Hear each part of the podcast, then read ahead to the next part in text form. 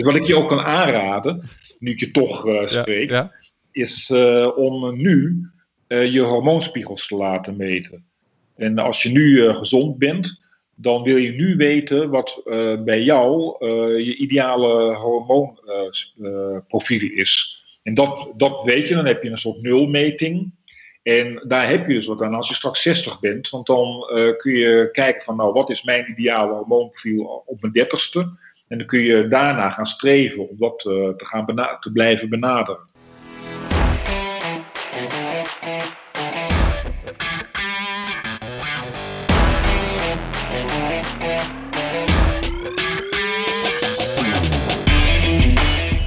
Welkom en super tof dat je luistert naar de Ontketen Jezelf podcast.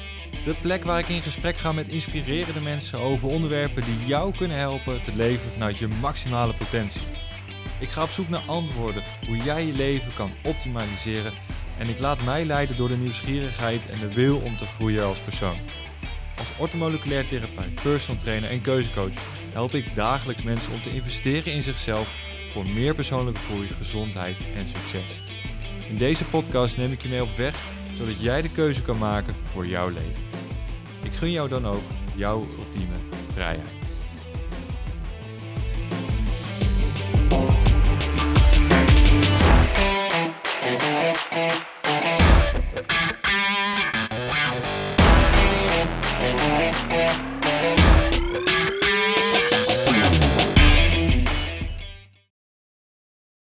Hey, geweldig dat je weer ingeschakeld bent bij deze nieuwe aflevering van de Ontketen Jezelf podcast. En in deze aflevering ga ik in gesprek met uh, co-auteur van de Testofactor, Pim Christiaans. Hij is uh, onderzoeker, uh, journalist, ja, longevity expert in Nederland. Hij wil in ieder geval 500 worden. Dat is, zijn, dat is zijn doel in het leven. Dus dat is natuurlijk bijzonder interessant om daar meer over te weten te komen. En het leuke is, de Testofactor is een boek wat hij geschreven heeft met Ralf Moorman. In een van de vorige uitzendingen heb ik daar al mee gesproken over het boek wat zou komen. Dus we noemen het daar Hormoonbalans voor mannen. En dit is eigenlijk een fantastisch boek waar meer dan 23 macho-issues eigenlijk worden opgelost. Dus wat kan jij doen voor bijvoorbeeld die strakke buik? En daar gaan we het ook zo nog over hebben. Voor een grotere seksdrive, sterkere spieren, beter geheugen misschien wel, als je dat uh, prefereert, een gezond hart en meer succes. Dat zijn allemaal onderwerpen die in dit boek besproken worden. De testofactor, wat je kan, uh, hoe je dat kan gaan doen. En ja, het leuke is van dit gesprek is dat Pim echt een, een journalist is. Een, uh, in hart en nieren. Dus er zit heel veel gedegen onderzoek in, heel veel wetenschappelijke stukken die worden aangehaald om ja, het boek echt van kwaliteit te laten zijn. En dat is ook gewoon echt gelukt, want het is een fantastisch boek. En uh, eindelijk een beetje erkenning voor, uh, voor de man over waar wij tegenaan lopen. Het uh, vervelende alleen is, is dat er tijdens um, de opname hiervan, wat plaatsvond via Skype, um, ongeveer een minuut of vijf is weggevallen in de opname. dat is gewoon echt super, super, super zuur. Uh, en op het moment dat hij wegviel, hadden we het over het stukje um, de, de aap op de apenrots. En dus hoe je ervoor kan zorgen dat je ja, goed in de groep ligt. En dat juist relaties en je sociale status onwijs van invloed zijn op wie jij bent als persoon. En wat jij doet in je dagelijks leven als persoon.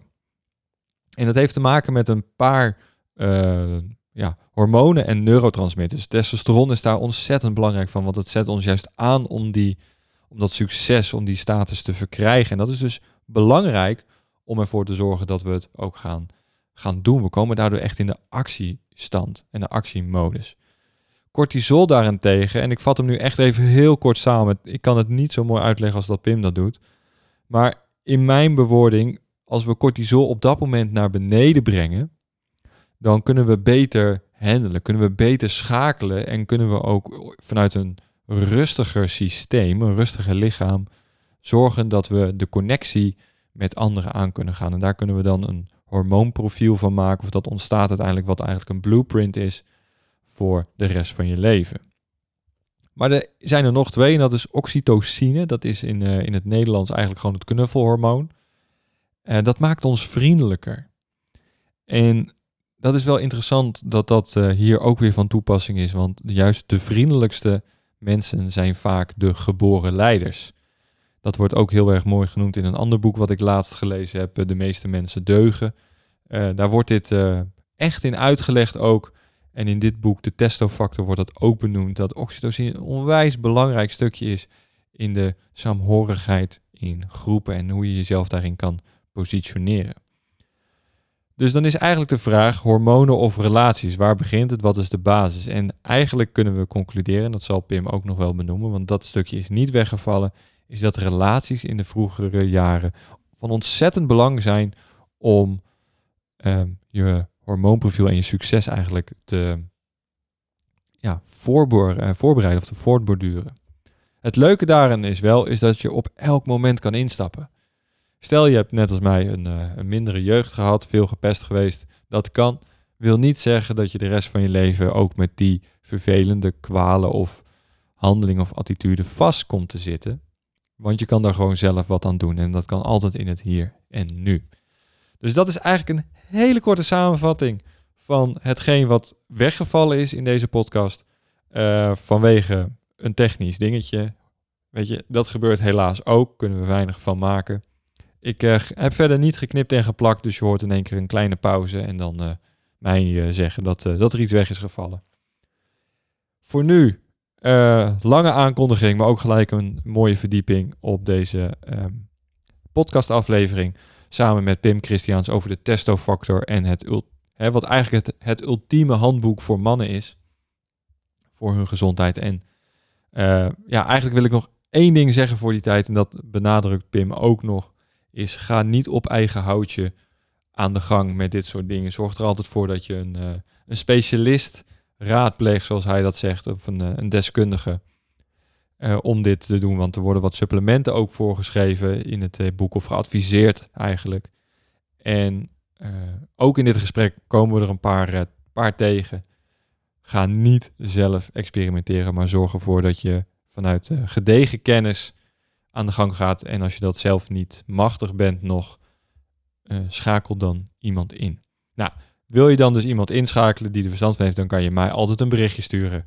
En dan uh, kunnen we hier samen mee aan de gang dat jij op een gegeven moment die ultieme man wordt, of zoals in het boek benoemd wordt, die mega man. En dan hebben we het niet over de MM's die in een mooi gekleurd zakje zitten, maar echt de man van jou en in jou, zeg maar. Ga nu lekker luisteren naar deze podcastaflevering met Pim Christiaans, uh, co-auteur van de Testofactor. Uh, andere schrijver is uh, Ralf Moorman en dus die podcast kan je ook nog terugvinden in de lijst. En die heette Hormoonbalans voor Mannen. Enjoy, geniet en maak er een fantastische week van op deze dinsdag als je hem luistert. En tot de volgende. Omhoog. ja, waarschijnlijk wel hè. Hey, maar allereerst, waar, ben je nu nog meer mee bezig? Want je doet hele toffe dingen. Ja, nou, ik ben uh, nu vooral bezig om mijn uh, blog liveunlimited.nl uh, weer een beetje nieuw leven in te blazen. Want ik heb het uh, in het afgelopen jaar heb ik vooral aan het boek De Testofactor gewerkt. Mm -hmm. En daarnaast wel met zo een linkerhand mijn blog bijgehouden. Maar nu heb ik weer meer mijn handen vrij om daar volop op te storten. Ja, oké. Okay. Ja, ja want dat, dat, dat blog, dat Live Unlimited, dat is eigenlijk je eigen hele zoektocht bij elkaar genomen? Klopt, ja. Wat het eigenlijk is, is dat ik heb al. Uh, ik heb eigenlijk als persoonlijke missie om een, een, poging, een, een soort nieuw wereldrecord, jong blijven en lang leven te gaan vestigen. Het is mijn streven om de eerste Nederlander te worden die zijn 500ste verjaardag gaat vieren. Oké, oké. En, en um, gelijk een hele, hele bold question. Um, hoe ver ben je al om dat te gaan realiseren? Goeie vraag. Nou, ik, uh, ik heb natuurlijk wel af en toe zo het donkerbruine vermoeden dat ik uh, door dit streven iets over mezelf afroep. Want uh, door de geschiedenis heen zijn alle mensen met dit soort uh, ambities is het slecht mee afgelopen. Okay. maar Nee, ja, nee, ik, ehm, kijk, waar, ik, ik ben journalist van huis uit. Mhm. En ik heb ooit eh, bedacht van uh, waar, wat vind ik nou echt leuk om me mee bezig te houden. En ehm, ja, gezondheid, jong blijven, energiek blijven, fit blijven, dat, dat, dat is het dichtst bij mijzelf. kortom, alles wat ik daarover vind, kan ik onmiddellijk ook zelf van profiteren. En dat in combinatie met het feit dat we ook in een enorme spannende tijd leven, waarin wetenschappelijke ontwikkelingen razendsnel gaan en er ook steeds meer mogelijk wordt om echt iets uh, te veranderen aan je lichaam en aan het, aan het verouderingsproces. En het enige wat nu heel spannend is, is ben ik nou wel of niet 20 jaar te laat geboren om nog echt helemaal volop te kunnen profiteren van van de, de, de ontwikkelingen. Ja, oké. Okay. Wij schelen... Want hoe oud ben je, Pim? Ik ben net 61 geworden. 61, oké. ja. Ik ben 30, dus hè, er zit 30 jaar tussen. Um, je zegt... Ja, de, kans, de, kans, dat jij 500 wordt is veel groter dan uh, dat ik dat ga hebben. ja, al, alleen in een goede gezondheid en met voldoende energie. Want anders dan uh, ja, piep ik er ook gewoon vroegtijdig tussenuit hoor. Ja, nee, zeker. Maar daar, kijk, het gaat mij, ik, ik uh, zeg het meestal een beetje als geintje. wat mijn streven is, is ja, fit en gezond blijven. En, maar als je dat lukt, dan is de bijwerking daarvan dus dat je ook niet doodgaat. Ja, ja dat absoluut. Niet, niet door uh, veroudering. Ja, want het is, streef je dan eigenlijk het, het natuurlijk principe na van alleen maar, hè, een boom groeit ook alleen maar en als hij niet meer groeit gaat hij dood. Is dat hetgeen wat je echt nastreeft? Nou, kijk, ik, uh, uh, in mijn beleving heeft de natuur geen uh, bedoelingen. Het is meer een soort blind, blind proces. En ja, ik, we leven nu eenmaal. En ik heb een soort heel. ik denk dat iedere mens heeft een overlevingsinstinct. En het ligt in mijn natuur om zo lang mogelijk gezond te willen blijven. En natuurlijk, het gaat mij om. Het gaat mij dus niet om het, het eeuwige leven of lang leven, maar om de kwaliteit van leven. Maar ja, als je mij vraagt, eh, wil ik over wil ik nog 30 jaar gezond leven? Ja. Maar als ik straks 90 ben en je vraagt mij van wil je dan nu over, uh, overmorgen dood? Dan denk ik dat ik nog steeds wel zal zeggen van nee, ik wil nog steeds wel 30 jaar leven. Als het maar een goede gezondheid is. Ja. En mijn overtuiging is dat dat, ja, dat dat ook echt kan. Ja, want je, je bent al een onwijze zoektocht. onder, heb je al gedaan en jezelf als proefpersoon genomen. Ja. Um, kan je ook echt zeggen dat je de afgelopen periode van een ja, tientallen jaren eigenlijk zegt van, nou, ik, daar ben ik eigenlijk dan stil blijven staan met mijn, met mijn leeftijd? Nee, niet echt. Want, uh, want op dit moment is het gewoon nog niet mogelijk om uh, het ver, uh, verouderingsproces stil te zetten. Wat nu wel kan, is, uh, is eigenlijk de, het te snel verouderen. De meeste mensen verouderen sneller dan, dan noodzakelijk. Dat kun je uh, terugdraaien naar gewoon verouderen. Dat is al een stuk langzamer dan de meeste mensen dus doen. En, bedoel, en wat is daar dan het verschil in tussen snel verouderen en normaal verouderen? Nou, kijk, normaal verouderen, dat zijn, hè, je hebt van die mannen, ik, ik, ik heb een tijdje geleden had ik een interview met Bruce Ames, dat is een hele beroemde wet, Amerikaanse wetenschapper. Ja, die man is 93 en nog helemaal fit. En die publiceert nog en die heeft nog ideeën en die komt met nieuwe publicaties en uitvindingen. En dat, die man die uh, is wel echt 90, je ziet wel een oude man, maar hij is wel nog echt heel fit en gezond en scherp. En ik denk dat dat is natuurlijk deels uh, genen. Maar wat we nu ook weten, dat uh, hoe je veroudert en hoe snel je veroudert, is echt voor ja, meer dan drie kwart, eigenlijk misschien nog wel meer voor dan 80 procent, een kwestie van hoe je leeft en wat je eet en ja, hoe je e-, eventueel voedingsstoffen met supplementen aan, aanvult. Ja. Dus dat kun je in de hand houden, terwijl dat kun je zeg maar uh, afzetten tegen mannen die er, zeg maar, live fast, die young, hè, de, de rock and roll lifestyle, ook, ook prima, heb ik ook lang gedaan hoor, daar gaat het niet om. Maar, Herken, herkenbaar ook hoor.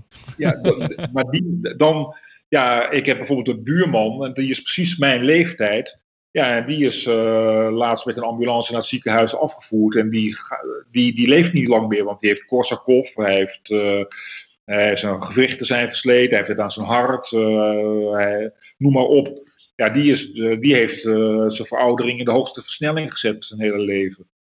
Ja. Dat kan ook. Ja, ja, mijn vader is 63. Ja. die is laatst aan zijn, of een paar jaar geleden aan een hartklep geholpen. Ja. Eh, die, die hebben ze even recht moeten zetten met wat elastiekjes, zeg ik altijd maar.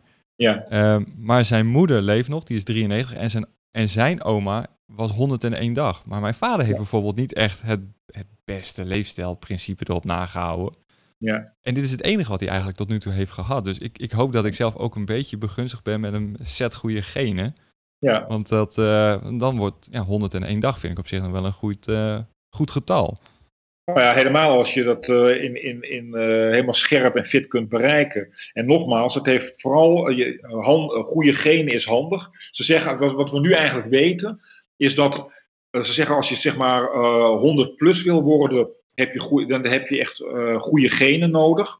Maar als je gezond 90 wil halen, dat is helemaal een kwestie van lifestyle. Ja, die epigenetica die daar op toepassing is. Juist, ja, ook. Ja. Um, maar je, je bent bezig gegaan met, met, die, met, die, met dat boek De Testofacten. Daarvoor had je Live Unlimited. Ja. Uh, of heb je eigenlijk nog steeds? Je bent een, je bent een eigen proefpersoon geweest. Uh, ja. Wat heb je tot nu toe eigenlijk allemaal zelf uitgevogeld? Nou ja, kijk, ik uh, in de eerste plaats ehm, geloof ik erg, of geloof ik erg in, waar, waar ik veel mee experimenteer, is het aanvullen van voedingsstoffen in de vorm van voedingssupplementen.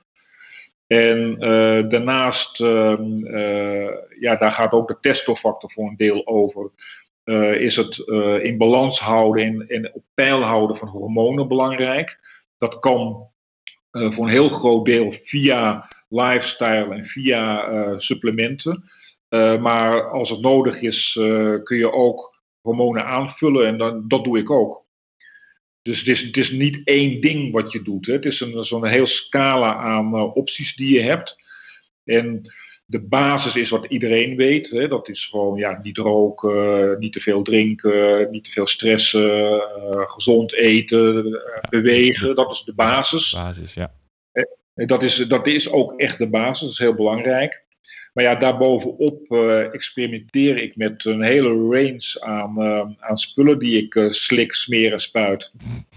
Dit klinkt heel erg alsof je vol gas in de sportschool een flesje anabolen leegtrekt. Ja, dat doe ik dus niet. nee, wat ik... daar, daar, trek je de lijn? Zeg je? Daar trek je de lijn? Nou, ik trek de lijn bij, het moet, zo, het moet natuurlijk zijn, het moet in het lichaam horen. Dus uh, neem als voorbeeld uh, testosteron. Testosteron is een ongelooflijk belangrijk hormoon, een heel beschermend hormoon op allerlei vlakken van, van je gezondheid. voor je geest, voor je vetverdeling, voor je spieren, voor je energieniveau, noem maar op. Ook voor je hart en vaat is het heel belangrijk. Maar dat wil niet zeggen dat, dat je dus maar je testosteron zoveel mogelijk moet verhogen. Nee, het gaat om, om de balans. Mhm. En ik zal eerst proberen uh, mijn testosteron op een uh, gezond, jeugdig niveau uh, te houden met natuurlijke middelen. dat, dat kan zijn bijvoorbeeld door hoe je eet. Je hebt bijvoorbeeld, testosteron wordt gemaakt van cholesterol. Dus je moet je cholesterol op peil houden. En dat doe je met verzadigd vet onder andere. Dus ik zal zorgen dat ik voldoende vet binnenkrijg. En, uh, tegenstelling tot. In laatste instantie zal ik, zal ik uh, proberen mijn testosteron te gaan aanvullen. En, maar dat doe ik dan heel voorzichtig met hele kleine beetjes. In, in hoeveelheden, die, dat worden dan fysiologische doseringen genoemd. Dus doseringen, hoeveelheden die van nature in het lichaam horen. Ja, zoiets schreef je in het, in het boek. de Amerikaanse wetenschapper, als ik me goed kan herinneren. Ja. Um, dat, die is daar eigenlijk mee begonnen. Of die adviseert in plaats van de farmacologische uh, dosering. Dus wat het lichaam niet aan kan. Ja. Dus je, je, smeert, je smeert dan testogel eigenlijk, als het ware. Ja. Maar in het boek lees ik ook over twee, drie supplementen of, of voedingsmiddelen, of bestandsdelen eigenlijk, die je kan, kan nemen. Carnitine was er één van, die, heb ik, die, die wist ik nog uit mijn hoofd. Ja. Um, dan kan ik ook concluderen misschien wel dat dat op je keukenkastje staat. Zo van, nou, dat zijn alle potjes voor vandaag. Jazeker, ja. Nou, op mijn keukenkastje staan meer dan 20 potjes, hè, meer dan 30 eigenlijk. En, uh, daar, uh, en ieder potje heeft zo zijn eigen verhaal, hè, zijn eigen uh, achtergrond. En een van die potjes is inderdaad carnitine. En um, ja, dat ben ik ooit opgekomen omdat in Italië wordt heel veel onderzoek gedaan naar carnitine. Dat is niet helemaal toevallig, want dat is echt zo'n mannelijk supplement dat effect heeft onder andere op je, op je testosteron. En ik heb toen een keer, ooit eens een interview gehad met een, uh, met een wetenschapper die, die mij adviseerde van als je dan testosteron gebruikt en je combineert dat met carnitine, dan kun je eigenlijk, heb je maar, soms als je jong bent zoals jij, uh, heb, hoeft dan niet extra uh, testosteron te gebruiken, maar dan zal je eigen lichaam door onder invloed van carnitine meer testosteron gaan aanmaken. Terwijl in mijn geval ik dan eigenlijk uh, minder testosteron hoeft te smeren. En, en, op dit moment smeer ik het zelfs helemaal niet. Kan ik het helemaal met natuurlijke middelen uh, op peil houden. Oké, okay, dus het is in Italië is het gebeurd. Uh, eigenlijk toch ja. wel generaliserend een macho-cultuur genoemd. Daar, daar zijn ze bezig ja. met die testosteronverhoging. maar ja. Gebruik je dan nu ook zelf nog vaak de testen om, om te kijken van hoe staat het met bepaalde bloedwaardes of speekselwaardes? Om, ben je ja, daar constant mee bezig? Ja, wat ik doe is, kijk, supplementen die uh, werken echt. En dat betekent dus, dus uh, dat ze je ook echt kunnen schaden. Dus je moet wel weten wat je doet. En uh, ik doe het ook in samenspraak met artsen. En met, met regelmatige check-ups inderdaad. Bloedtesten. Ik heb laatst ook mijn testosteron weer getest. En dat, nou, dat was nog redelijk op peil. En dus zo. Ja, redelijk op peil. Dat is dus dan in mate van gelijk aan een 60-jarige of zitten we dan richting de 50, 40? Nee, nee, ik heb een. De, de, in de eerste plaats is de range waarbinnen je testosteronspiegel kan vallen, is heel groot. En dat wil zeggen dat je hebt, uh, uh, jo, zeg maar, je hebt een hele brede uh, marge waarbinnen je testosteronniveau uh, moet vallen om nog gezond te zijn. Mm-hmm. En mijn testosterongehalte is prima voor, ook voor als je 20 bent. Maar mannen van 20, die kunnen een veel, nog veel hoger testosterongehalte bereiken dan ik. Maar, dat, maar en ik, mijn streven is om een testosteron of een, een hormoonprofiel te, bewa- te houden dat zo ongeveer uh, op dat van jou zal lijken, zo rond de 30. Okay, nou ja, ik, uh... Dus wat ik je ook kan aanraden, nu ik je toch uh, spreek, ja, ja. is om nu je hormoonspiegels te laten meten. En als je nu gezond bent, dan wil je nu weten wat bij jou je ideale hormoonprofiel is. En dat, dat weet je, dan heb je een soort nulmeting. En daar heb je dus wat aan als je straks 60 bent. Want dan kun je kijken van, nou, wat is mijn ideale hormoonprofiel op mijn dertigste? En dan kun je daarna gaan streven om dat uh, te, gaan te blijven benaderen. Ja, oké. Okay. Is het een, ik heb me er nooit in verdiept. Zijn het kostbare onderzoeken? Uh, zijn het gewoon standaard bloedprikken? Nou, kijk, een, een testosterontestje, dat heb je voor een paar tientjes. He, dus het hangt er een beetje van af hoe, uh, hoe diep, ga, hoe, hoe ver je gaat. Het kan in de papieren gelopen, ja. zeker. Ja. ja. ja ik, maar het hoeft niet. Ik ben ook wel een beetje een, een, een freak op mijn niveau. Ik, ik heb hem ja. lopen testen met vitamine D-suppletie. Kijken wat ja. dat uh, voor me deed. Nou, dat was ja. echt een bizarre ervaring. Wat daaruit voortkwam. Vertel. Nou, ik ben gaan... Uh, ik gebruik druppeltjes vitamine D. Um, waarbij ook K2 in zit. En ik ben dat gaan druppelen. Dosering is standaard voor twee druppels 2500 uh, microgram. Of milligram, ik weet het even niet meer. En ze zeggen, nou, twee druppeltjes per dag is een mooie dosering waar je, uh, waar je op kan blijven. Ja. ja. Ik dacht van, weet je wat, ik wil het gewoon eens een keer gaan testen. Als het niet, ja. als, het, als het niet goed is, dan stop ik en dan kijk ik wel. En uh, dit, dit kreeg ik van een docent van mij van een van mijn opleidingen um, te horen van, nou, probeer het gewoon best wel veilig testje. Dus ik ging naar 15 tot 17 druppels. Oh ja. Dus ik ging gelijk, um, ja, ultrafysiologisch. Daar gaan we, ga je dan wel richting. Uh, uh, en nou, mijn koppie, wat, wat daar gebeurde. De vrolijkheid, de, ik, ik, kon, ik was weerbaar. Ik, ik, kon letterlijk voor mijn gevoel alles waarmaken en bereiken. Ik dacht, ah, wauw, dit moet ik, dit moet ik gaan vasthouden. Dus nou ja, het is niet te doen om zoveel druppels standaard te blijven nemen. Dus ik zit nu op een dosering van 8000 of zo, 8000 eenheden per, per dag. Ja, ja. En dat is gewoon goed. Maar Ja. het verschil van eigenlijk bijna niks nemen naar in één keer megadosering, dat is echt Ja.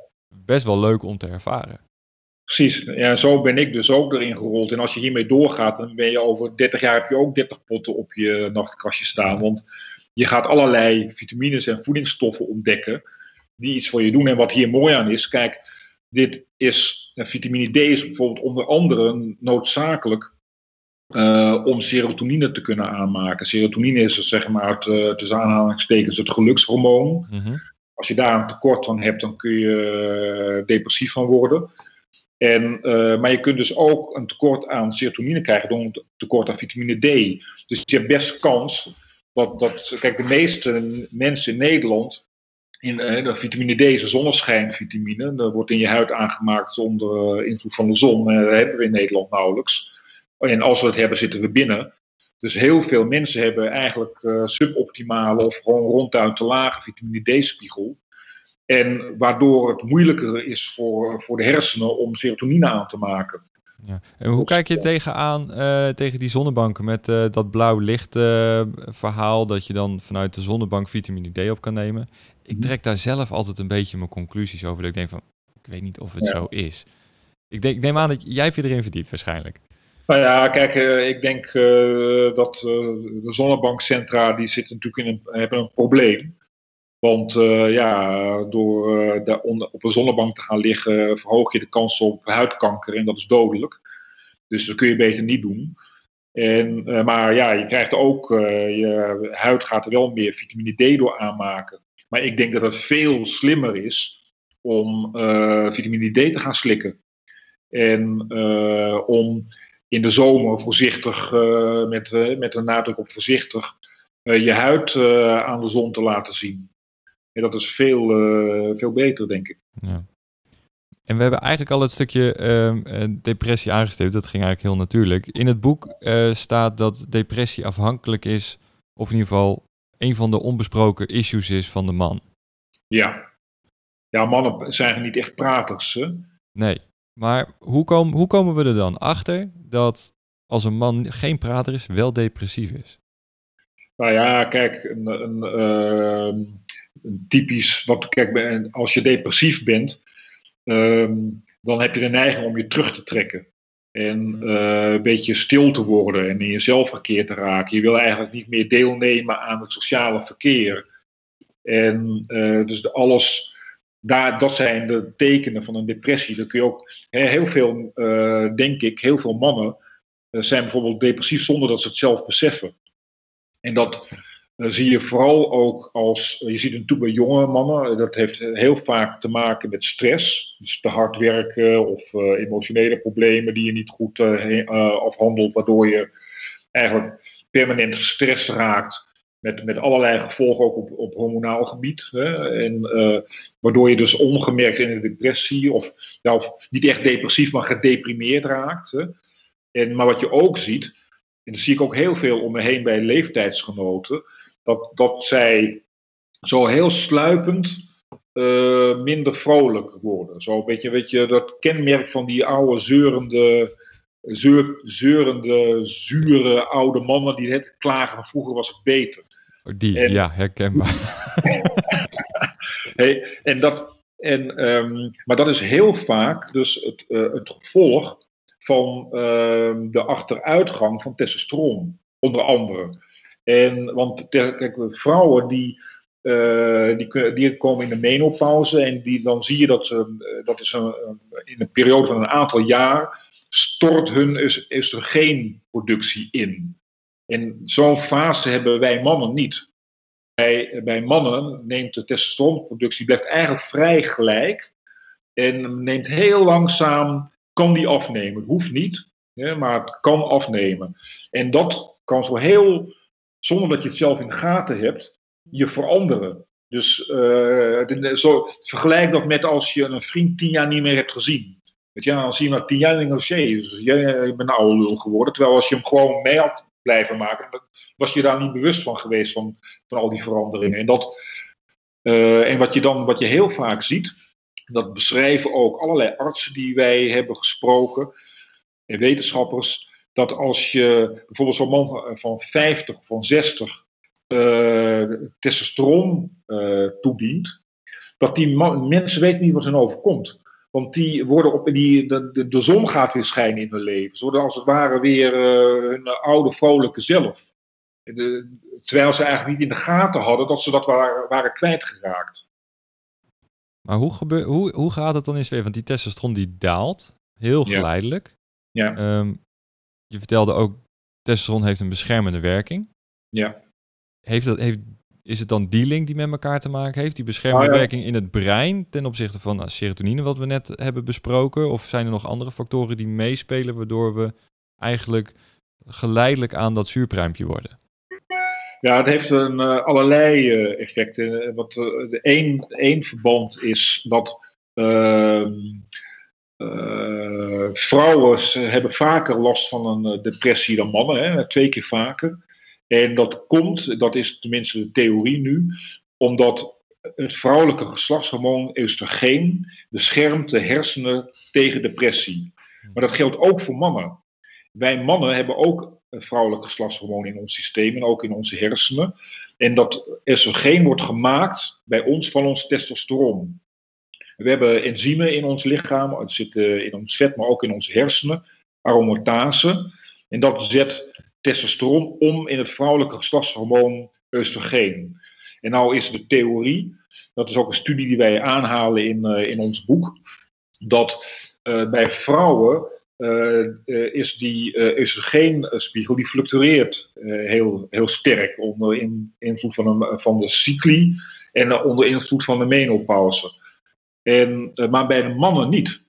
Bij mannen, bij mannen is het testosteronspiegel eigenlijk heel stabiel. Dus daarom hebben mannen eigenlijk minder last van, van uh, depressie. Behalve als je testosteron dus echt te laag wordt. Want dan is er dus te weinig grondstof voor de oestrogeen in je brein. Dat is één link. Een, een andere link is dat testosteron beïnvloedt allerlei andere hormonen en neurotransmitters. Het heeft een enorme impact ook op je energieniveau, hè, op, letterlijk op, op celniveau maar ook op meer systemisch niveau, van hoe je je voelt. Dus je kunt je voorstellen als jij gewoon uh, geen energie meer hebt, uh, minder vitaal voelt, dan heb je ook, ben je ook vatbaarder voor gedeprimeerde gevoelens. Ja. Dus het is een heel, heel breed uh, effect van dat hormoon. Kunnen we dan, ik probeer gelijk een conclusie te trekken altijd. Ja. Um, de vrouwelijke cycli is dan van invloed op de, het depressief zijn, slash doen, of hoe je het wil noemen, van een vrouw. Wij mannen hebben dat niet. Ja. Kan je dan zeggen dat, dat wij mannen vaak um, manisch, hè, manisch depressief vaker hebben, omdat we dan die pieken hebben in de zin van um, de energiestoot die we dan nog wel even hebben? Of zit dat juist dan weer aan de vrouwenkant? Dat zou ik eerlijk gezegd niet weten. Maar ik denk dat er. Ik, uh, nee, dat weet ik niet. Ik denk in ieder geval dat uh, wij mannen als voordeel hebben uh, op vrouwen dat, we, dat ons testosteronniveau langer op peil blijft, niet onderhevig is aan, aan grote pieken en dalen. En dat we daarom dus, en dat is een feit, minder last hebben van depressie. In het, in het boek lees ik, en dat vond ik wel heel interessant, in ons hoofd en eigenlijk in alle vetcellen zetten wij uh, vanuit aromatase testosteron om naar oestrogenen. Dat, dat wist ik al vanuit de opleiding. Ja. Um, want ik heb de hormoonfactor gedaan en uiteindelijk ook uh, door tot orthomoleculair therapeut. Maar wat ik niet wist, uh, en dat schrijven jullie, is dat testosteron omgezet wordt door aromatase in de hersens. En dat daar dan die beschermend, beschermende factor in voorkomt. Ja, klopt. Maar vrouwen hebben, hebben eigenlijk ook het vet in de hersens zitten. Want hè, hersens zijn natuurlijk grote vetklompjes. Ja. Waardoor is het dan, wat, wat is er dan aan de hand eigenlijk dat wij mannen meer beschermd zijn? Ja. Ondanks dat we allebei in onze hersens dat oestrogeen hebben. Nou, kijk, bij, bij uh, vrouwen hebben veel minder testosteron natuurlijk. Dus bij vrouwen zijn voor hun oestrogeen in de hersenen afhankelijk van de oestrogeen die in de eierstokken wordt aangemaakt. Bij mannen zijn van, voor ons oestrogeen afhankelijk van aromatase. Dus het gaat over de vrije testosteron of de vrije oestrogeen die, die geproduceerd wordt. Ja, dus, dus en omdat wij mannen dus een stabiele uh, aanvoer van oestrogeen hebben, door omdat onze testosteronspiegel stabiel is, Mhm. hebben wij stabiele. Het is een van de theorieën, dus een studie die wij aanhalen in Ja. het boek. Hè. Dat uh, moet wel een paar slagen op de arm houden. Ja, maar ik vind het eh, wel een interessant dat- stukje. Ik Ja, vind het wel interessant. het is inderdaad fascinerend. Ja, Ehm, maar we zitten ook met een eh, grote hoeveelheid SSRID's, hè, dus antidepressiva's in, in deze wereld. ja. Ehm, daarbij zitten we met een heropname van ehm, serotonine, het, het gelukshormoon. Ja. Welke invloed heeft dat dan op onze mannelijkheid? Want we zitten, er heel, we zitten echt aan die antidepressiva. We zijn dus best wel een, depres- een, een de- depressief volkje, als het ware. Ja. Maar we worden ook. We zijn ook minder mannelijk, om het zo te zeggen. Want we hebben allemaal een, een, een buikje, het gereedschap hangt onder een afdakje. We hebben geen RVS-materiaal meer liggen. ja. Ehm, dus wat doet dat met ons? Nou ja, ik denk eh, veel. Want eh, kijk, er slikken iets van een miljoen mensen eh, antidepressiva in Nederland. Dat is gewoon waanzinnig. Ik bedoel, slaat, slaat nergens meer op. En eh, terwijl ehm, ja, ik ervan overtuigd ben dat het helemaal, of nou in ieder geval van 90% een kwestie van lifestyle is. Dat, ehm, eh, ja, kijk, als jij als jij te dik bent en, en, en veel orgaanvet hebt, een buikje hebt, ja, dan weet je, dan zijn je hormonen ontregeld. Dat is gewoon een feit. Eh, eh, je hebt dan te veel aromatase in je systeem, onder meer. Eh, buikvet zelf bevat allerlei signaalstoffen die onder andere voor ontstekingsreacties in het hele lichaam, inclusief de hersenen, zorgen. Nou, dat staat ook weer in verband met depressie. Dus dat hele systeem is, is, is in de war. En dat heeft helemaal te maken. Dus men, kijk, in plaats van. Als je dan een, een, een medicijn gaat slikken. Dat is zoiets als een, een emmer water op een brandend huis gooien. Je pakt helemaal niet de oorzaak aan van, van wat er aan de hand is. En, en de oorzaak is natuurlijk dat, je, dat er iets mis is met de lifestyle die we hebben. Ja. Ja, en, dat, en die lifestyle, ja, dat, dat, dat komt heel dichtbij. Eh, ja, meer, meer bewegen, beter eten, meer zonlicht zien, eh, slanker blijven, ja, noem maar op. En, nou is het, en dan is het wel zo dat op een gegeven moment, daar ben ik wel van overtuigd, dat ehm, kijk, de natuur die heeft het niet zo heel goed met ons voor. Die, eh, de, de, natuur die, eh, die denkt van ja, je moet, eh, je moet nakomelingen op de aarde zetten en zodra je die groot hebt gebracht, dan ben je afgeschreven. Dus dan, dan mag je worden opgeruimd. Ja, kom jij aan met je ik wil 500 worden? Precies, ja. Dus op een gegeven ogenblik eh, moet je maatregelen nemen, om, dan kun je het niet meer met alleen maar gezond leven redden, wil ik maar zeggen. En een heel mooi voorbeeld daarvan is, dat zijn wat ik dan noem, nou je hebt een orthomoleculaire opleiding gedaan, dat zijn de age essentials. Mhm. Er zijn dus allerlei eh, voedingsstoffen, of eigenlijk allemaal stofjes die je lichaam aanmaakt. Eh, bijvoorbeeld zoals eh, Q10, eh, dat is een belangrijke coenzym eh, voor de aanmaak van energie in je cellen. En dat, dat wordt aangemaakt in je li- lichaam zelf. Carnitine is ook overigens precies zo'n stof. Wordt aangemaakt in je lichaam. Alleen naarmate je ouder wordt, gaat je lichaam daar minder van aanmaken. En eh, worden ze dus als het ware essentieel. Want dan moet je ze dus eh, gaan innemen, uit, uit- zorgen dat je ze uit voeding of pillen binnenkrijgt. Om dat op niveau te houden. En Dus het is wel zo dat, dat je, je naarmate je ouder wordt, je wel meer afhankelijk gaat worden van dat soort kunstgrepen, zeg maar. Als ik me goed, goed terug kan halen vanuit de opleiding. Q10 wordt gemaakt vanuit eh, cholesterol. Ja, Er- ergens ver weg in de keten eh, omhoog. Ja, Ehm, ja. Van carnitine weet ik het niet. Is dat ook een, eh, een steroïd? Eh, dat weet ik eigenlijk niet. Want, ik weet wel dat vitamine C heel belangrijk is in die keten om het aan te maken. Oké, nou, dan hebben we dus al drie supplementen, als het ware. Ja, ja, absoluut. Ja, ja, zeker. Ja. Ehm, voordat we teruggaan naar het, uh, de, de lifestyle. Uh, want hè, dat, over dat, dat mannenbuikje waar, we, waar veel mannen tegenaan lopen. Ja. Um, daarvoor wil ik eigenlijk nog één, één ding even helder hebben.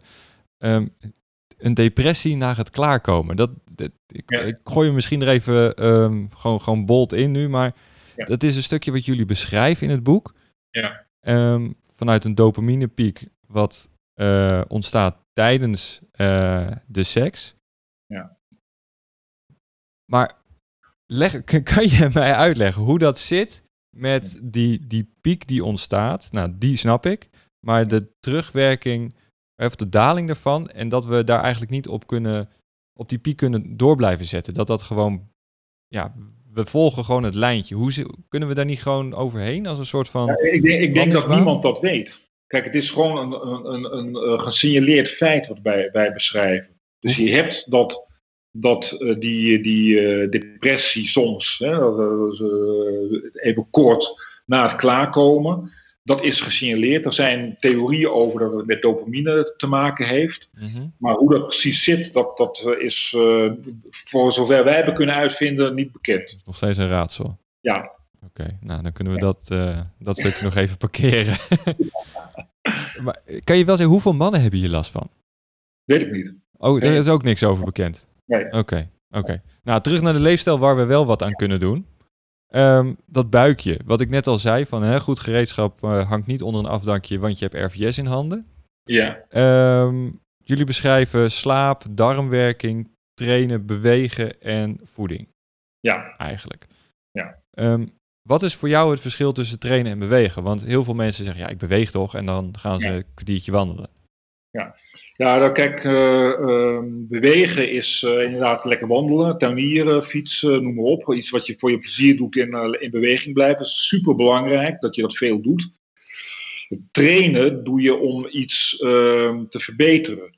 In trainen dan ga je, dan, dan, dan zorg je, dan ga je, niet alleen, dan ga, dan ga je niet alleen een stukje wandelen, dan ga je een stukje hardlopen. En dan ga je niet alleen een stukje hardlopen, dan probeer je iedere dag of om de dag een stukje verder of een stukje harder te hardlopen. En dat is trainen. Ja. En uh, het, het, mooie aan trainen is dat je daarmee je lichaam echt uh, kunt boetseren, als het ware. En je gezondheid uh, maakbaar kunt maken. Ja, en dan is het het, het, het testo trainingsfactor ehm, trainingsschema is dan gewoon goed aan te houden, grote spiergroepen, eh, de herhalingen gewoon gereduceerd houden, meer op kracht gefocust. Ja, nou kijk, wat ik, wat, wat een van de, uh, voor, mij is trainen altijd een beetje corvée. Dus het is niet iets wat ik voor mijn plezier echt doe. En, maar wat ik nou het mooie vind, wat, wat je, uh, wat, dat is eigenlijk al twintig jaar lang, twintig jaar geleden was, waren er ook al aanwijzingen voor, maar er wordt echt studie op studie bevestigd dat, dat om um, een trainingsprikkel te krijgen, dus waardoor je gaat verbeteren, dus of meer spiermassa krijgt, of meer spierkracht, of meer uithoudingsvermogen, daar is eigenlijk maar heel weinig voor nodig. Dus het is niet zo dat je om, uh, om, je, om spiermassa te kweken, spierkracht te, te, te, trainen, dat je daarvoor urenlang elke dag in de sportschool moet zitten. Sterker nog, het is eigenlijk beter om, uh, ik ga twee keer, drie keer in de week een half uurtje trainen en dat is perfect. Dat, er zijn zelfs experimenten gedaan waarbij mannen twee keer zeven minuten per dag gaan interval trainen daar een uitstekende conditie mee weten op te bouwen. Dus het kan heel snel en krachtig kun je resultaat bereiken. Ja. En kijk, oké, trainen is helder. Ik, ik vind zelf al, ik, ik hou zelf vaak 40 minuten aan. Um, ja. dat, dat vind ik, uh, want dan stijgt ook je cortisol niet na die tijd. Dus, dat, uh, dus die hou ik lekker aan. Mooi, ja. um, maar slaap. Ik heb er een tijdje geleden een podcast over opgenomen met een slaapexpert. Um, maar die ging niet in. We, we hebben daar niet de diepte zijn we ingedoken over wat slaap nou voor je, voor je kan doen. Ja. Uh, omdat dat dan te. Ja, we moeten, we moeten het ook een beetje leuk houden. Dit is echt een verdiepingsstukje. Ja. Uh, want ik, ik heb al met Ralf uh, gesproken bij hem thuis. Ja. Slaap. Wat, wat gebeurt er in je, in je slaap op het gebied van je mannelijke hormoonhuishouding, waardoor je de volgende dag eigenlijk hè, richting die megaman kan gaan die jullie ja. omschrijven? Ja, Nou ja, kijk, wat je niet realiseert, wat, wat, dat, wat de meeste mensen de meeste mannen zich niet realiseren, is dat in je slaap hele belangrijke hormonen worden aangemaakt. Om te beginnen, je testosteron uh, heeft, zo een, heeft een dag, dagcyclus, zeg maar. En uh, op het moment dat je naar, naar bed gaat en gaat slapen, begint die te stijgen. En dan tijdens slaap ga je, gaat je lichaam testosteron aanmaken. En je testosteronspiegel is ook het hoogst als je wakker wordt. Hè. Van vaak word je ook met een stijve wakker. Het komt omdat je dan uh, vol met uh, testosteron zit. En dan gedurende de rest van de dag vlakt dat dan weer langzaam af. En hetzelfde geldt voor een heel belangrijk hormoon, het groeihormoon, menselijk groeihormoon. Mm -hmm. dat is een hormoon dat uh, ook enorme impact heeft op, uh, op je spiermassa, op je vetverdeling, maar ook weer op hoe je je voelt. Hè. Ik, heb een, ik ken een, een hormoonspecialist die, die noemt groeihormoon het leiderschaphormoon. Dus die merkt dat als hij mannen groeihormoon toedient, dat die weer veel zelfverzekerder worden en, en uh, doortastender. Dus het heeft een enorme impact op je brein. Maar dat, wordt, dat hormoon wordt in je slaap aangemaakt vooral. Het wordt ook aangemaakt, net zoals testosteron, uh, als je even flink gaat krachttrainen.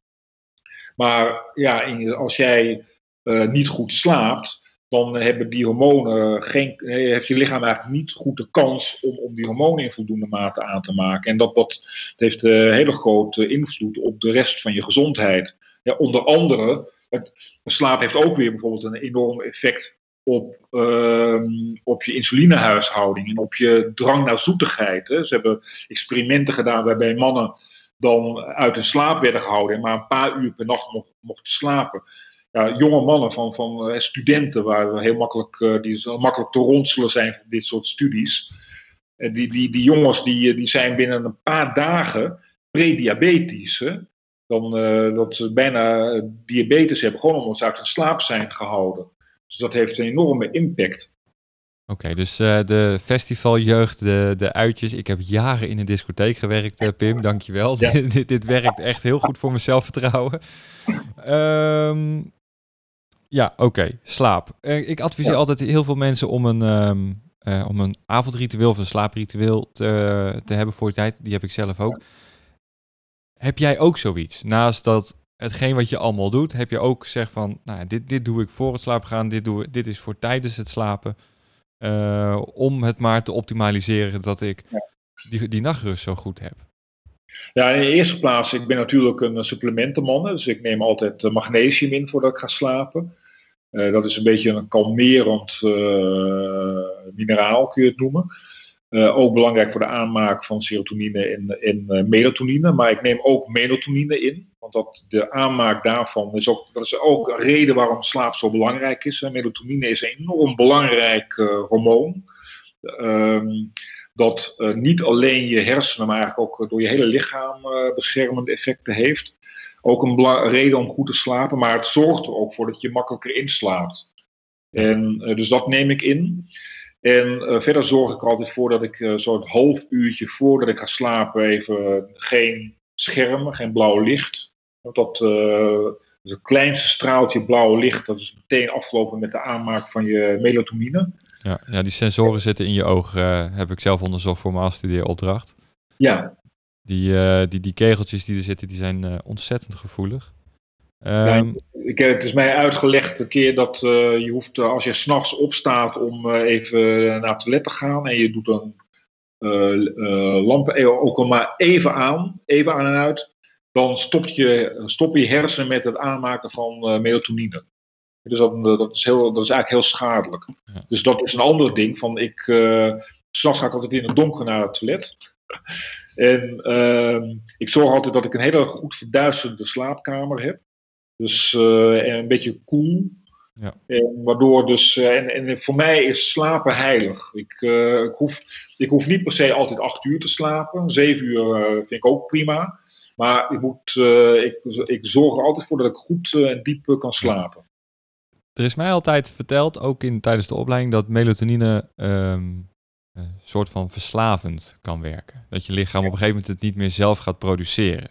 ik hoor jou net zeggen dat je uh, melatonine gebruikt voor het slapen gaan. Ja. Ehm, ja, Ja. ik heb, eh, die, die verhalen ken ik, maar ik heb eh, op een gegeven moment voor eh, eh, een ander boek dat ik voor de testofactor heb geschreven. Heb ik, eh, toen was er ook, waren er allerlei dit soort verhalen deden de ronde in Nederland. Er was ook een of andere slaapprofessor die waarschuwde tegen melatonine, dat het schadelijk zou zijn en, en, dat, dat. en ehm, ja, toen ben ik gewoon eh, de, de, eh, gaan ro- rondmailen en bellen op zoek naar de grootste ehm, eh, melatonine-experts ter wereld. En ehm, ja, toen kwam ik uit bij eh een meneer, eh, professor Reiter aan de Universiteit van Texas. Hij is, ook, eh, hij is echt de man eh, die op dit gebied- moet hebben. En hij verzekerde mij dat dat niet waar is. Dus dat melatonine niet verslavend werkt dat het niet de aanmaak van je eigen melatonine beïnvloedt als je het inneemt. Dat je het veilig kunt innemen. Hij neemt zelf al eh, iets van 30 jaar lang eh, in hoge doseringen in. Dus eh, echt in, ja, Verrassend. in gram of zo, iets heel veel. En ehm, dus ja, dat, dat, dat, ik, ben er, ik ben er niet tegengekomen. Ik heb het niet bevestigd. Ik denk dat er ook geen studies zijn die dat aangeven dat het riskant is. Het enige wat je, wat, wat, wat je mij mee moet oppassen met het innemen van melatonine, is met de timing. Dus wat, eh, hè, sommige mensen kunnen melatonine niet goed afbreken. Het zijn dezelfde mensen die niet goed tegen koffie kunnen. Ehm, ik kan toevallig heel goed tegen koffie. Ideaal, Eh, hè? Eh, dus ik breek het snel af, ik over melatonine. Maar als jij dat niet kunt, is gaat bijvoorbeeld om s'avonds om 12 uur of om 1 uur neem jij melatonine in. Dan kan het ervoor zorgen dat je de volgende dag, ochtend, niet, goed, niet goed wakker kunt worden, zeg maar. Oké, en dan zitten we dus weer op het stukje eh, leveroptimalisatie. En zo komen we steeds weer bij je volgend schakeltje in de, Ja, in de ja, keten. ja. Leuk. Oké, ehm, slaap belangrijk, groeihormoon, testosteron. Je zei net, eh, dat heeft invloed op de ochtenderectie. Ik vind het altijd ook, weer, ook weer zoiets magisch om wakker te worden met een tentje die je aan het bouwen bent. Ehm, Maar hoe vaak per week, ik, ik wil het altijd hè, statistisch hebben, want dan is het toepasbaar voor iedereen. Hoe vaak per week moet je dat minimaal hebben en dan is het nog oké? Want het kan zomaar zijn dat je een keer een ochtend wakker wordt zonder. Ja, nou ja, kijk, ik denk dat, je, dat het eh, normaal is om, om met een eh stijver wakker te worden. Denk ik dat het, dat het heel. Of in ieder geval, kijk, de, eh, een manier om te weten of je, als je erectieproblemen hebt, hè, een manier om te ontdekken of dat psychisch of lichamelijk is, is dan, eh, is maar ooit geleerd door een eh seksuoloog dan eh, moet je s'nachts moet je een soort moet je een postzegelrandje om je lul heen wikkelen Mhm. en dichtplakken.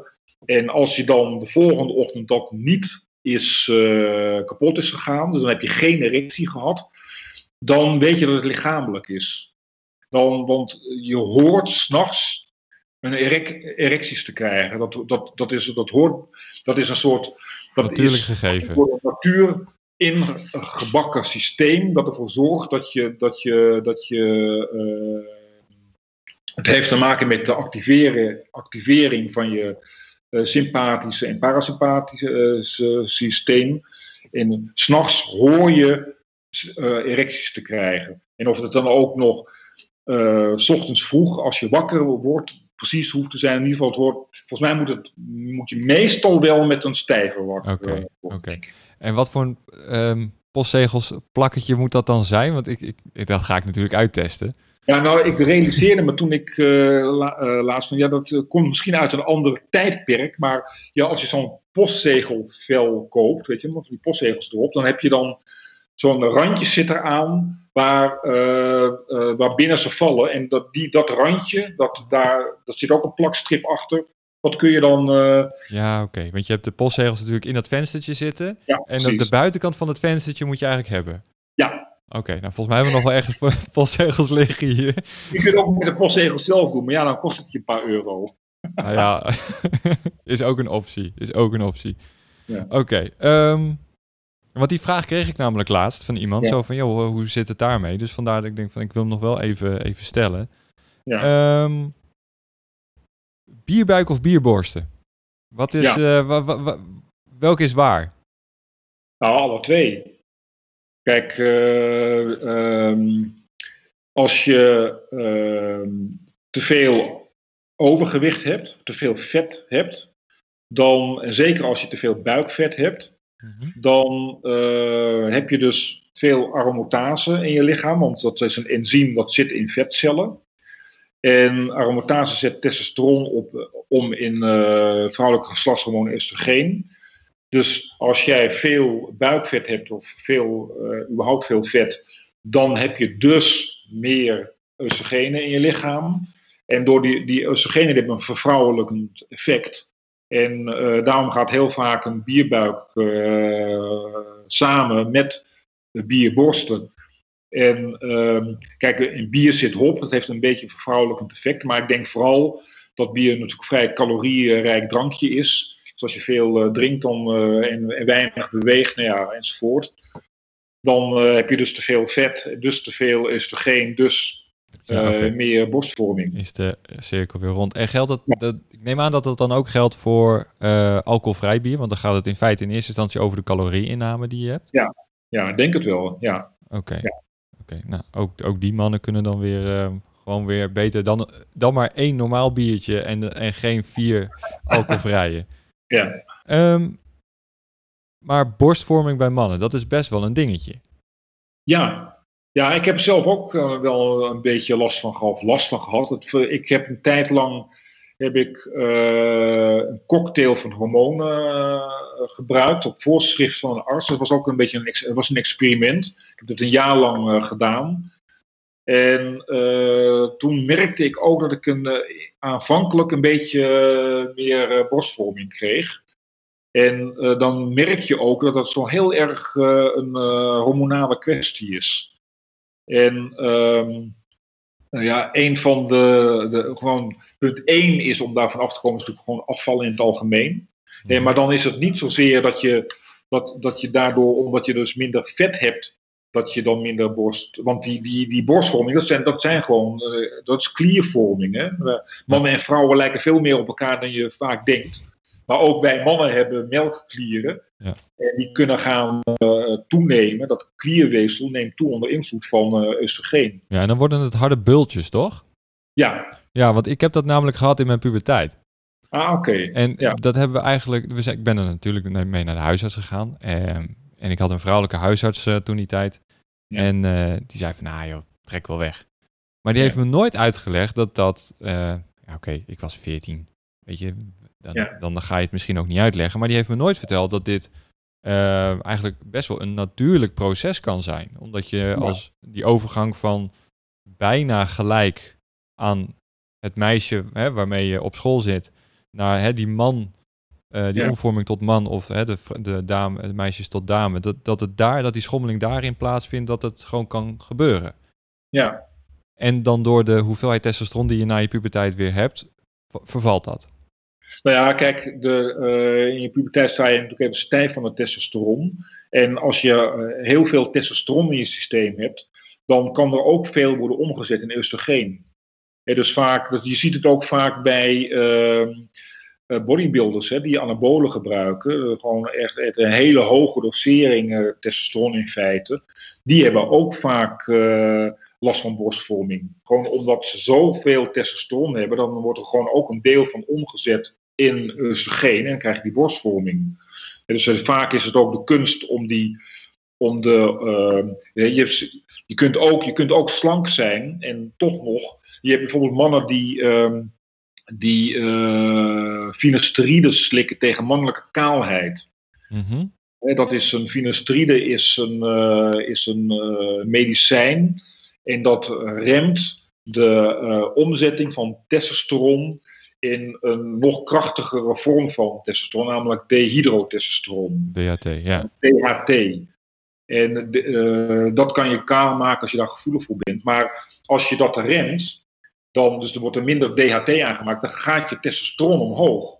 Want ja, het wordt niet meer omgezet in, in dat DHT. Mm -hmm. Dus, heb je meer, dus wordt er ook meer omgezet weer in oestrogeen. Dus kunnen die mannen ook last krijgen van, eh, terwijl ze slank zijn, van uh, borstvorming. Dat is een van de bijwerkingen van, van dat middel uh, finasteride. Ja. Is dat voor iedereen zomaar te gebruiken of is dat ook weer op voorschrift van de arts? Want we, we benoemen al een x aantal supplementen. Ja. ja. voorzichtigheid geboden bij alles? Ja, nou zeker. Nou kijk, dat finasteride is ook geen supplement, het is echt een medicijn. Hè? En dat, ik heb er zelf ook jaren geslikt, maar dat zou ik, daar heb ik echt spijt van. Dat zou ik niet, nog, dat zou ik niet doen, omdat dat uh, uh, was vermoedelijk schadelijk is ook voor de hersenen op de lange termijn. En dus, uh, maar het werkt wel tegen mannelijke kaalheid. Dat is het. ja, oké. Dus heb je een volle bos haar, maar een, een Alzheimer hoofd. Dus dat. Dus ik ben ook gestopt onder het motto liever kaal dan gek. Ja, Oké, ja, sommigen hebben het motto liever uh, te dik in de kist dan een feestje gemist. Um, maar daarover gesproken, want die hebben vaak dan ook weer een borstbuik of uh, ja, eh, bierborst of een bierbuik. Ja. Uh, calorierestricties is daar één van om daar naartoe, om dat te, verwer te verwerpen als het ware. Ja. Hoe kijk jij te aan tegen intermittent fasting op dit vlak? Want het is tegenwoordig een gigantische hype. Ja. Um, ik, ik doe het zelf ook, ja. ongeveer drie keer per week. Oké. En wat doe je dan precies? Uh, ik, hou, ik hanteer de 16-8 regel. Dus 8 uur uh, eten op de dag en dan wel gewoon mijn calorie wat ik nodig heb. Dat heb ik uitgerekend. Uh, vanwege het sporten, vanwege het werk, noem maar op. Ik heb gewoon mijn basis wat ik moet eten. Dat eet ik in die 8 uur. Ja. Um, het is wel lastig om er te komen omdat ik bijna alleen maar groente eet.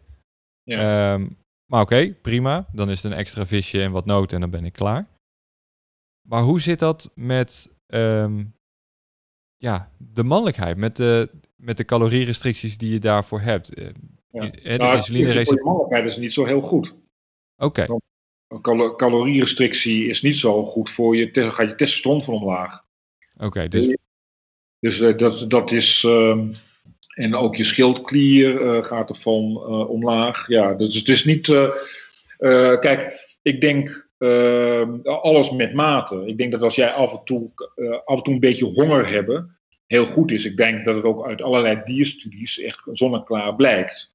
Dus dat het wel goed is. Alleen uh, voor je testosteronproductie per se is dat niet, niet heel gunstig. Oké, okay, dus, dus de... bij waarschuwen ook als je wil afvallen, dan moet je zeker je calorieën gaan beperken, maar dat moet je ook weer niet te fanatiek doen. Want dan daarmee verstoor je je hormonale balans. Ja. Nou, kijk, ik zorg wel zelf dat ik dan mijn volledige caloriebehoefte eet. Dus ik, eh, ik, ik kom op zich wel aan, uh, aan die 2300 die ik nodig heb. Ja.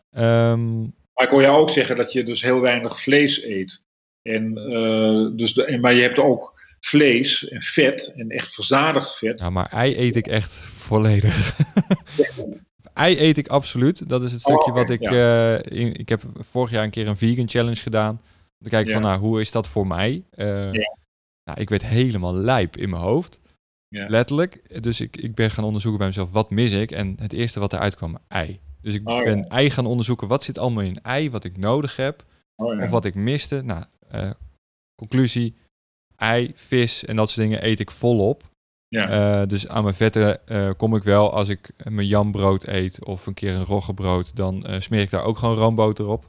Oh ja. Dus ja. ik, aan mijn vet kom ik wel. Oké. Okay. Dus dat, maar hoe zit het voor, voor hè, want je hebt die intermittent lifestyle eigenlijk. En ja. dat zijn mensen die elke dag ehm, die, die 16-8 of zo niet het oprekken naar... ik heb zelfs mensen gehoord die, die deden in, in 23-1. Dus die moesten in één uur alles naar binnen douwen. Oh ja voor je testosteronniveau funest dus. Ja. Maar wel goed voor een ander gezondheidsaspect als je dat af en toe doet. Voor het opruimen van die ellende die opgeslagen is in het lichaam. Ja, ja kijk, ik denk dat je hebt hetzelfde als met. Uh, vaak is het ook een kwestie van bijna communicerende vaten. Hè? Van het, uh, het ene gaat omhoog, het andere gaat omlaag. Mm -hmm. Hetzelfde is bekend van groeihormoon, menselijk groeihormoon. Dat is ook zo'n uh, heel belangrijk hormoon, maar dat, en dat moet je op niveau zien te houden. Dat, gaat, dat daalt ook als je ouder wordt. Dat heeft allerlei nadelige effecten. Onder andere op je vetverdeling uh, en op je spiermassa. Uh, maar het is er nu ook in verband gebracht met, uh, met ehm, je levensverwachting. Dus als je dieren met een heel weinig groeihormoon, die worden juist heel oud. Dus het is ook een beetje, er wordt, kijk, testosteron en groeihormonen zijn, zijn anabole hormonen die te maken hebben met dominantie, met voortplanting, met vechten, met je sociale positie binnen de groep. En dat gaat niet altijd gepaard met lang leven. Snap je? Dus je hebt ook, ik heb, je, hebt, je hebt ook van die studies waaruit dan zal blijken dat testosteron uh, misschien uh, schadelijk is als je lang wil leven. Maar daar heb ik ook een paar interessante interviews over gehad met, met, met artsen die dan testosteron voorschrijven. En die zeggen, ja, maar als je testosteron gaat gebruiken, mm dat is aan de ene kant heel goed voor je lichaam, voor je gezondheid, maar aan de andere kant versterkt het wel risicozoekend gedrag. Dus de kans dat je dan alsnog om het leven komt door een auto-ongeluk, omdat je roekeloos uh, achter stuur zit, uh, gaat wel omhoog. Dus het, is al, het, het heeft allemaal twee kanten steeds. Ja. En, dat, en, ik denk dat het ook geldt voor dat calorische restrictie. Dat ehm, ja, je, je, je zet je lichaam in een soort lagere versnelling.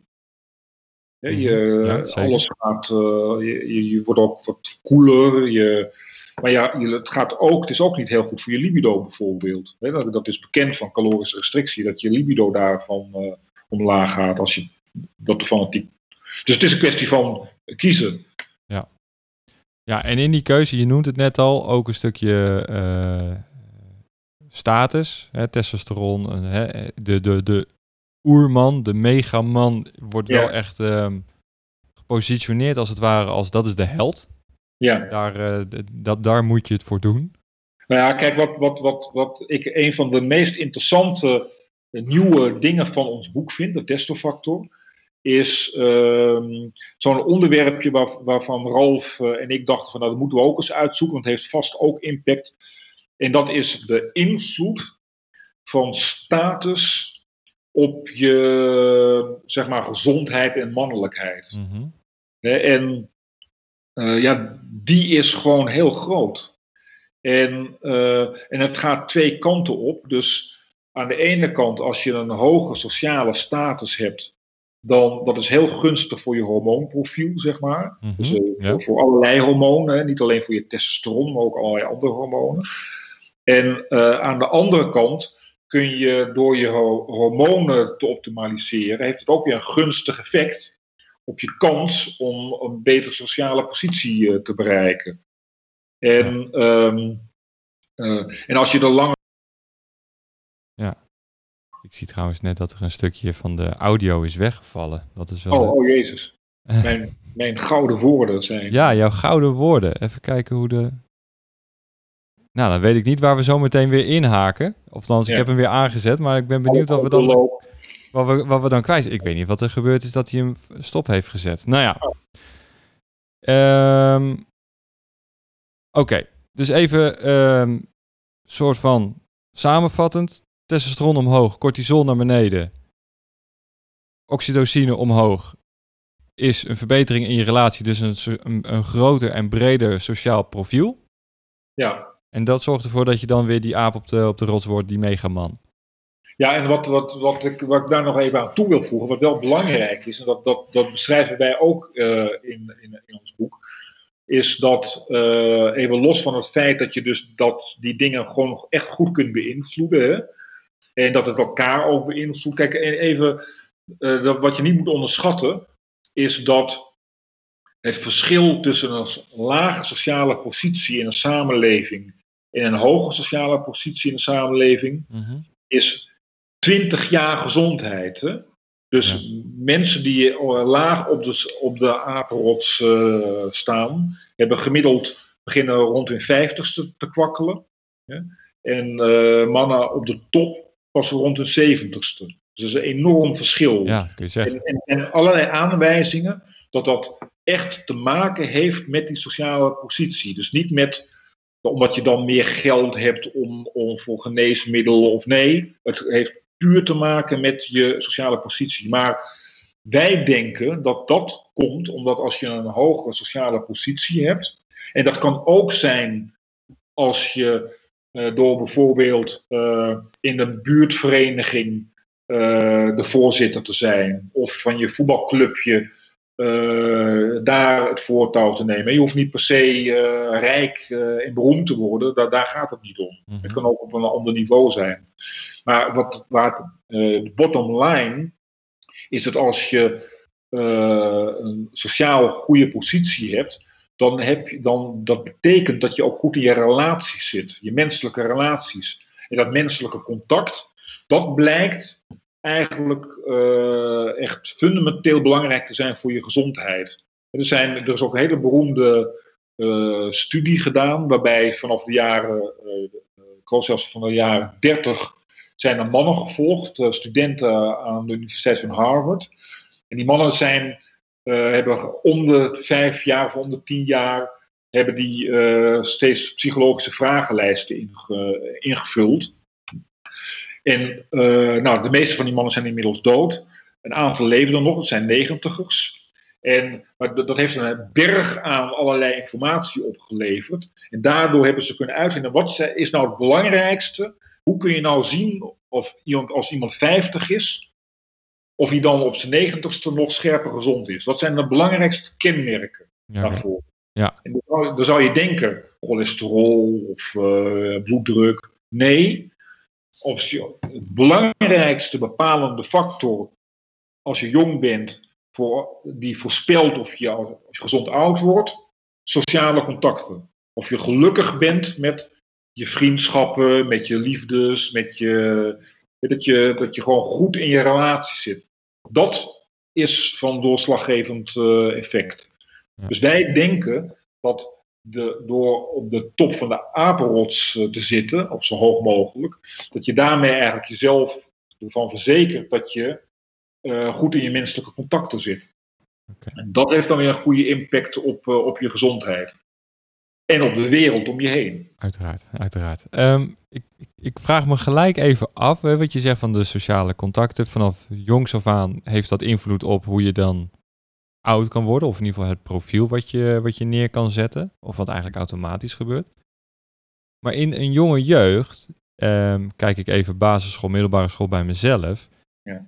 Ik ben zelf heel erg gepest geweest. Ja. Dus mijn sociale contacten uh, lagen volledig op zijn gat. Ja. Uh, en dan niet zo'n grote bavianenkont, maar gewoon een heel klein uh, mensaapje billetje had ik zeg maar. Ja. Um, kijk, ik, kan je, dat is eigenlijk de vraag waar ik naartoe wil. Kan je op een later moment dit, de schade nog in gaan halen? Zeker weten, absoluut. Dat is, dat is precies waar de testofactor over gaat.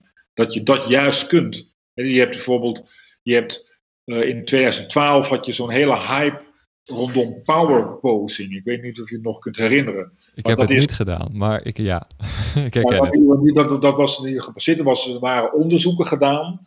Hadden ze uh, proefpersonen genomen. En daar, die moesten twee minuten lang of een houding opne- aannemen, maar letterlijke lichaamshouding. Moesten staan een beetje zo gebogen met opgetrokken schouders en de de armen voor je lichaam. Dus, of wijdbeens, uh, handen in de zij, schouders naar achter, borst naar voren. En wat ze toen zagen was dat die mensen die dat deden, dus wijdbeen staan, schouders naar achter, borst naar voren, die gingen zich niet alleen heel zelfverzekerd voelen, maar ook hun testosteronspiegel ging omhoog. En in twee, in twee dat was dan binnen twee minuten. In twee minuten heb je dan het wenselijke effect. Ja, en dat is later wel een beetje onderuit gestroffeld. Dat viel dan, hè, maar maar uh, wat recht overeind blijft staan, is dat als je dus uh, uh, je succesvol gaat gedragen, mm-hmm. dat je dan ook, dat, daar reageert je lichaam ook op. Dus door je succesvol te gaan opstellen, door rechtop te gaan lopen, schouders naar, hè, naar achteren, borst naar voren, dat, dat en, en, door succes uit te stralen, fake it uh, till you make it, zeg maar, dat heeft dan weer ook weer impact op, op je biologische systeem. Ja, ik, ik ben nu bezig met een opleiding NLP en daar hebben we natuurlijk ja. ook constant over lichaamshouding en dat soort ja. dingen. Dus ik, ja, ik merk het ook wel zelf hoor, als ik dan in, in zo'n pose ga staan. Ja. Dat was laatst een van de, van de oefeningen. Ja, je merkt toch wel dat je op een gegeven moment dan eh, in één keer ja, ja, lekkerder gaat voelen.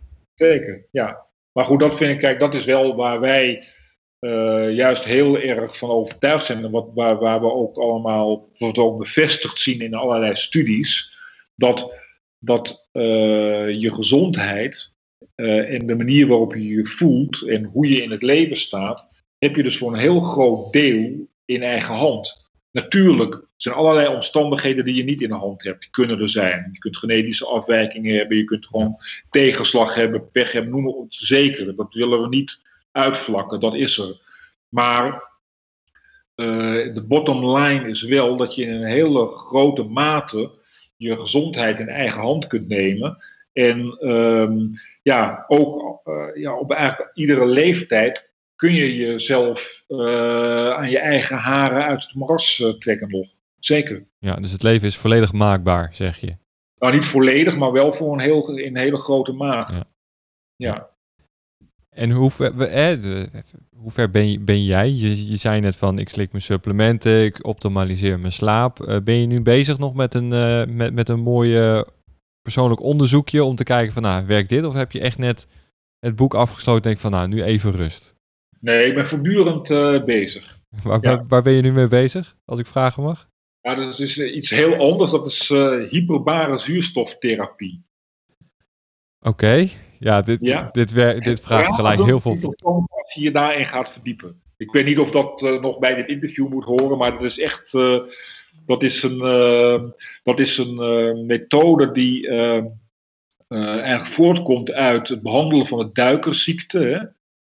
Hè? die, als, je, als je te snel omhoog bent gekomen na het duiken, dan, dan kun je problemen krijgen. En die problemen worden opgelost door je in een uh, afgesloten ruimte te zetten. Er wordt, wordt je, uh, de druk, het, aantal atmosfeer opgevoerd en het zuurstofgehalte wordt opgevoerd.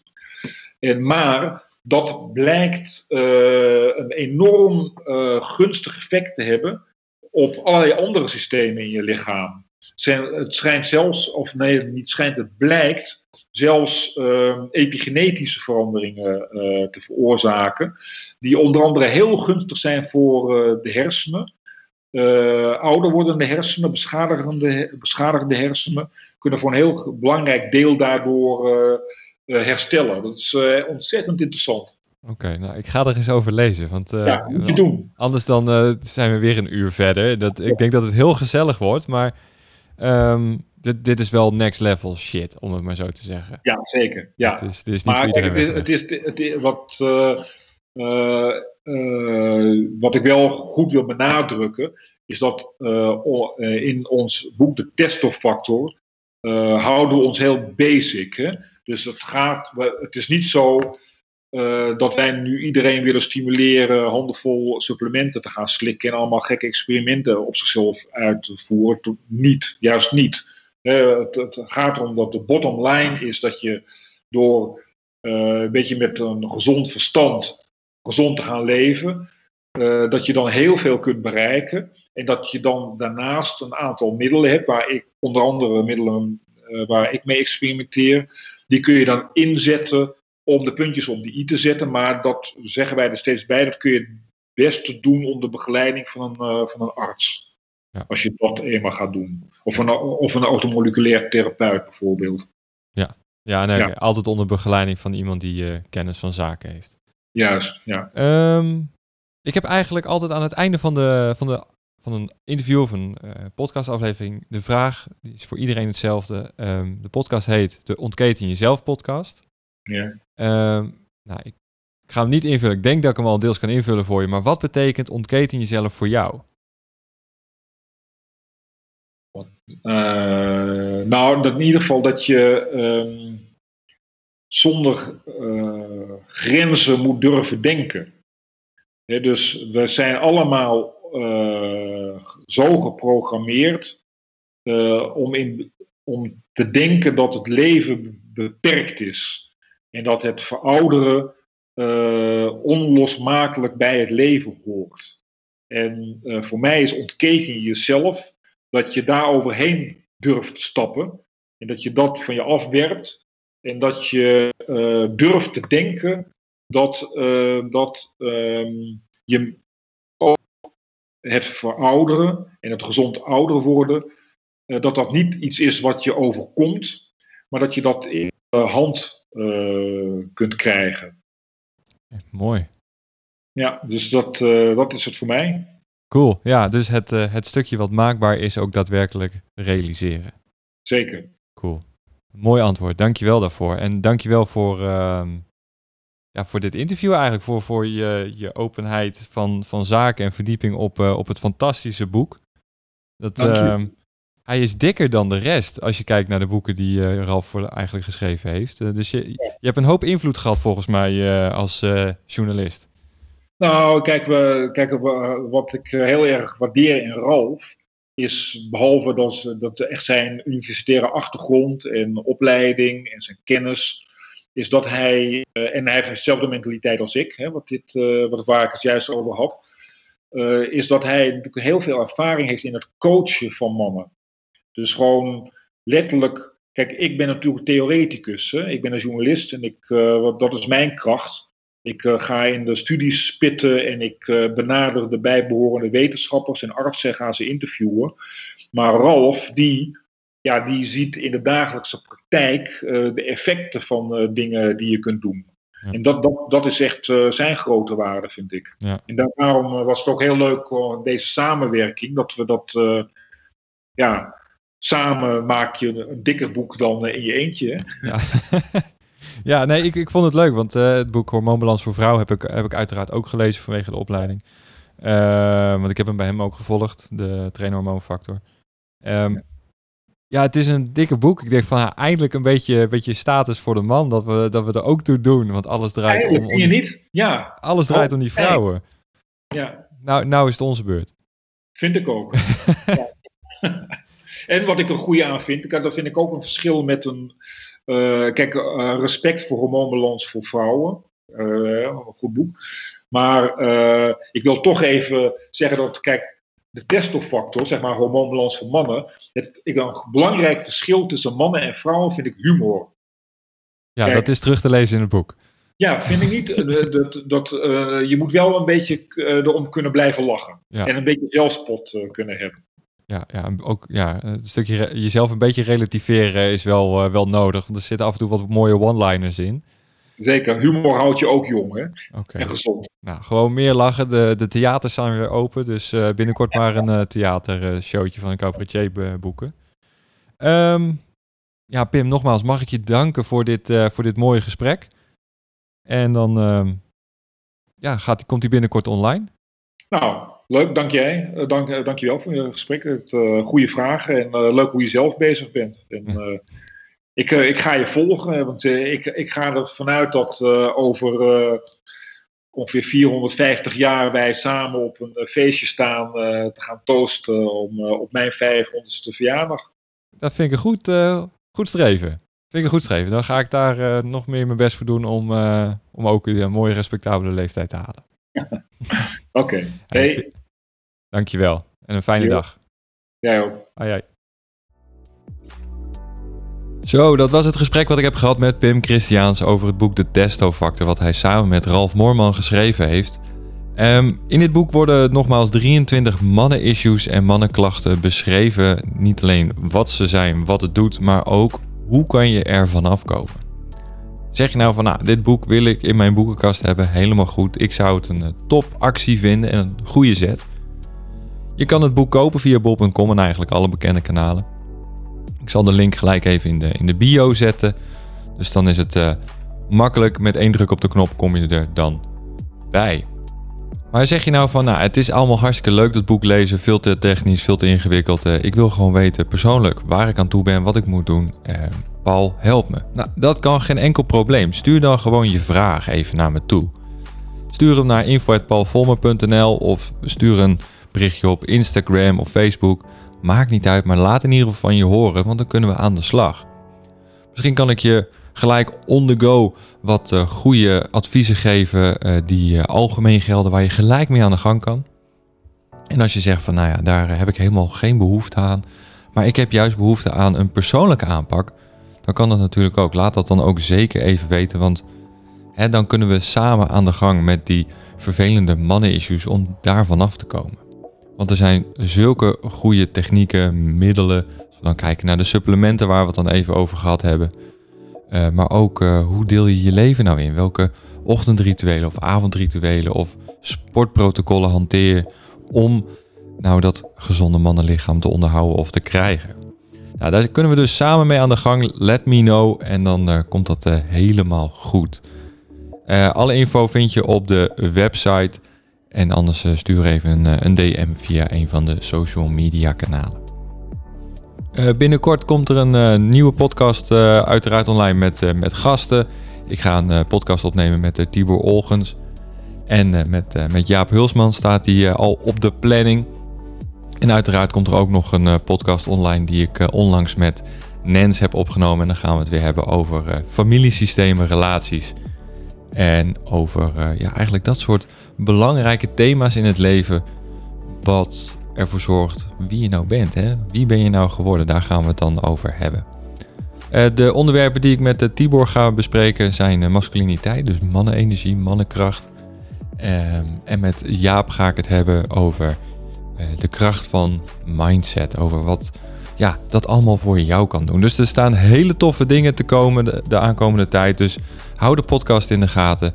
Check de kanalen, abonneer je. Laat even een review achter wat je ervan vond. En ik zie je heel graag bij een volgende uitzending. Eigenlijk hoor ik je heel graag bij een volgende uitzending van de Ontketen Jezelf podcast. Doei doei.